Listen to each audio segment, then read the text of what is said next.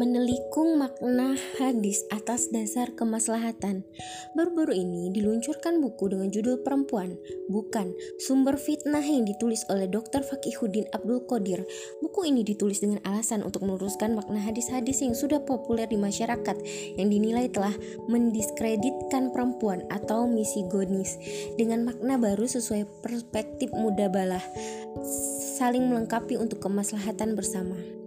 Di antara hadis yang dinilai misoginis adalah hadis yang menyebutkan bahwa perempuan adalah sumber fitnah bagi laki-laki. Hadis tentang aurat perempuan, larangan halwat, jihadnya perempuan di rumah tangga, suaminya, keutamaan wanita sholat di kamarnya, dan masih banyak lagi hadis tentang perempuan yang dinilai perlu dimaknai ulang agar tidak bias gender. Dalam muda bala, kemaslahatan menjadi penentu relasi laki-laki dan perempuan. Agar kemaslahatan bisa diraih, Al-Quran dan hadis ditafsirkan dan dimaknai sesuai kemaslahatan yang mereka inginkan. Kemaslahatan yang selalu ditonjolkan dalam perspektif muda bala sangat kental dengan ide kesetaraan gender yang terus dipropagandakan di tengah-tengah umat, khususnya para muslimah dengan jargon kemaslahatan yang hendak diraih bersama oleh laki-laki dan perempuan. Mereka tidak segan untuk menyelewengkan makna hadis yang berkaitan dengan muslimah.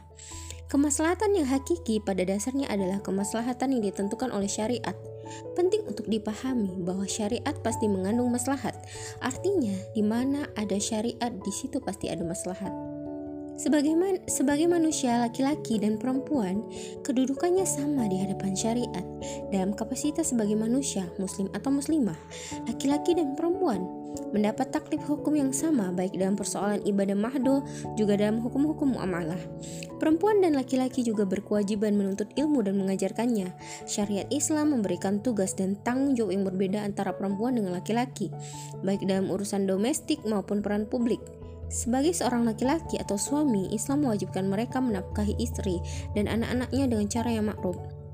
Sebagai seorang perempuan, Islam mewajibkan menutup aurat dengan sempurna, larangan halwat dan lain-lain. Dalam kebaikan dan amal soleh, laki-laki dan perempuan diperintahkan berlomba-lomba untuk meraihnya dengan menjalankan kewajiban syariat sesuai porsi masing-masing, tidak dengan melakukan peran yang bukan perannya. Seorang muslim dan muslimah yang mengharapkan ridho Allah dan Rasulnya akan tunduk dengan ketentuan syariat yang telah ditentukan untuk diri mereka masing-masing tanpa upaya menyelewengkan makna hadis dan menafsirkan ayat-ayat Al-Quran dengan dengan alasan apa pun termasuk mudah bala. Wallahu a'lam.